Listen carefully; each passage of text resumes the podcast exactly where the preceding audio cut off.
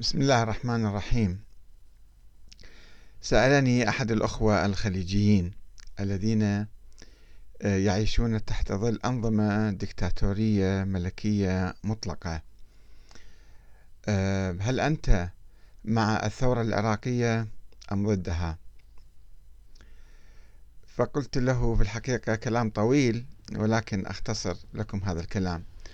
أنه الأمة الإسلامية أساسا إذا عدنا إلى التاريخ السحيق آه، لماذا تفرق المسلمون؟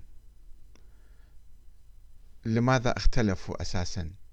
لماذا حدثت الثورات المتتالية والمستمرة والأنظمة القمعية قامت الأنظمة القمعية بالقوة والإكراه وغابت الشورى؟ آه، الشورى مبدأ الشورى عن اختيار الحاكم في البداية بعد وفاة الرسول صلى الله عليه وسلم عليه آه، بالرضا ويعني آه، البيعة الطوعية وليس بالقوة والإكراه.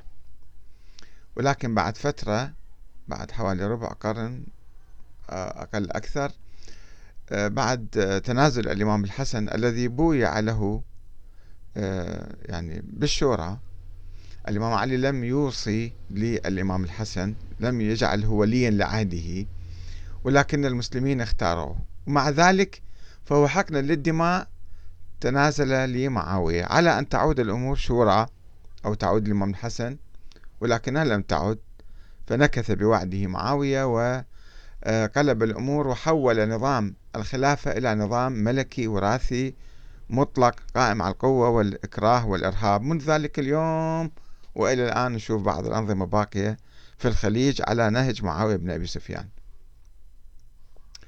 في العراق أيضا كان عندنا انقلابات عسكرية بعد سقوط أو رحيل الدولة العثمانية.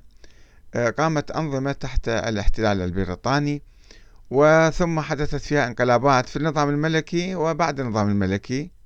بعد القضاء عليه أنظمة عسكرية. ووضعت دساتير بأمر الحاكم. مثل ما صدام مثلا وضع دستور وكان يغير الدستور حسب ما يشاء دستور على مزاجه وعلى يعني مصالحه فقط. حزب واحد يحكم مثلا هذا بالدستور العراقي السابق ولا يحق لأي حزب آخر إلا أن يكون تابع لحزب البعث. آه، بعد سقوط آه، نظام صدام آه، حاول بريمر الحاكم العسكري أو المدني المدني العسكري الأمريكي أن يضع دستورا مكتوبا من أمريكا.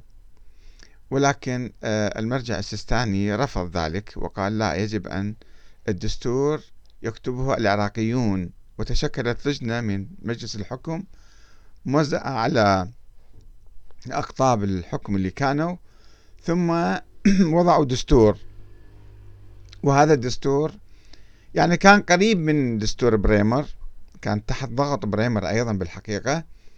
آه، ولكنه كتب بأيدي عراقي وعرض على الشعب العراقي للتصويت عليه في استفتاء عام. وجاب نسبة أكثر من ثلثين يعني صوتوا على هذا الدستور. وبالتالي انبثق عن هذا الدستور آه، النظام السياسي البرلماني هذا الموجود. وبعد عشر سنوات بعد 15 سنة أقل أكثر تبين للعراقيين أن هذا الدستور هو سبب مشاكل العراق لأنه أدى إلى قيام نظام المحاصصة الطائفية والقومية وبالتالي أصبح رئيس الوزراء اللي هو الحاكم الفعلي بالعراق هذا